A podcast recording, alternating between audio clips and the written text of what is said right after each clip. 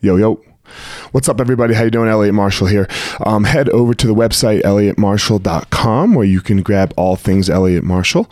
Um, my t-shirts, the Gospel of Fire t-shirts, branded logos, um, with, you know, some cool sayings on them. This one, the obstacle is the way. Um, my favorite quote by Ryan Holiday. Also, my course is over there. Um, this podcast is there. So everything Elliot Marshall related is there. Um, my Maui trip, my BJJ and mindset trip, uh, mastermind in Maui is up and live. You can sign up now. I will link that website um, for you all in the show notes. So wherever you're listening to this, you can grab that website. And if you are interested, a weekend mastermind in Maui, we're going to do a bunch of BJJ. We're going to do some mindset and mindfulness work. And then we are also going to, you know, maybe catch maybe catch some waves. My ninjas, how are you? I hope you're well. I hope you're happy. I hope you're healthy. Um, you know, the cage, the walk, all these things that we've been talking about. There's an important piece to this. There must be a worthy cause behind it. Okay? There must be a worthy cause to what you're doing. Why are you making this walk and why are you entering this cage? What is the point of all of this? It, it ha- excuse me, it must be for a worthy cause and you ask me, Elliot, well, what is the worthy cause of fighting? You're going to go in there and you're going to punch another human being, you know, and you're going to try to hurt them as, as bad as you can.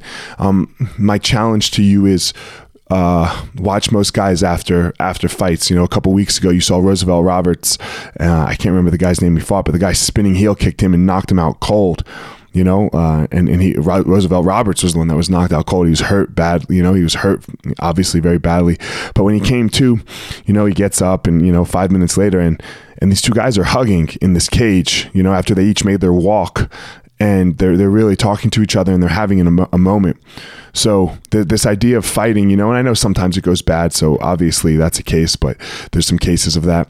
Um, but they're they're having this moment because they they they both are gonna just went through something really special with each other. They needed the other person. And then, two, um, there's going to be some self discovery for themselves on, on, the back end of this. You know, well, hopefully they'll go out into the world and they'll be more skillful human beings through this um, walk of life that they have to do in this in this in this cage of life. You know, in this fight of life that we have to do.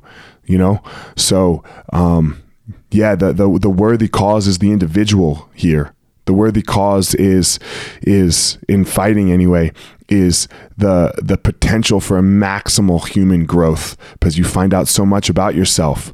So I'm asking you to find a worthy cause, discover a worthy cause.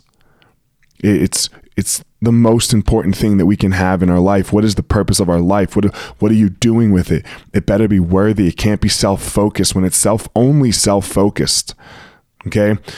It, it turns into this money and fame and yet we see where that goes all the time you know? This is this is again this would be the bad end of fighting for sure um, you know? And, and and everything has its benefits and its drawbacks definitely. But for me fighting was a very worthy cause. It forced growth upon me. It forced it.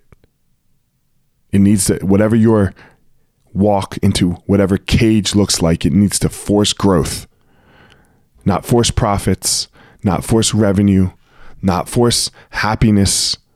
It needs to force growth because we grow or we die. Discover your passion, find your power, go give your purpose to the world.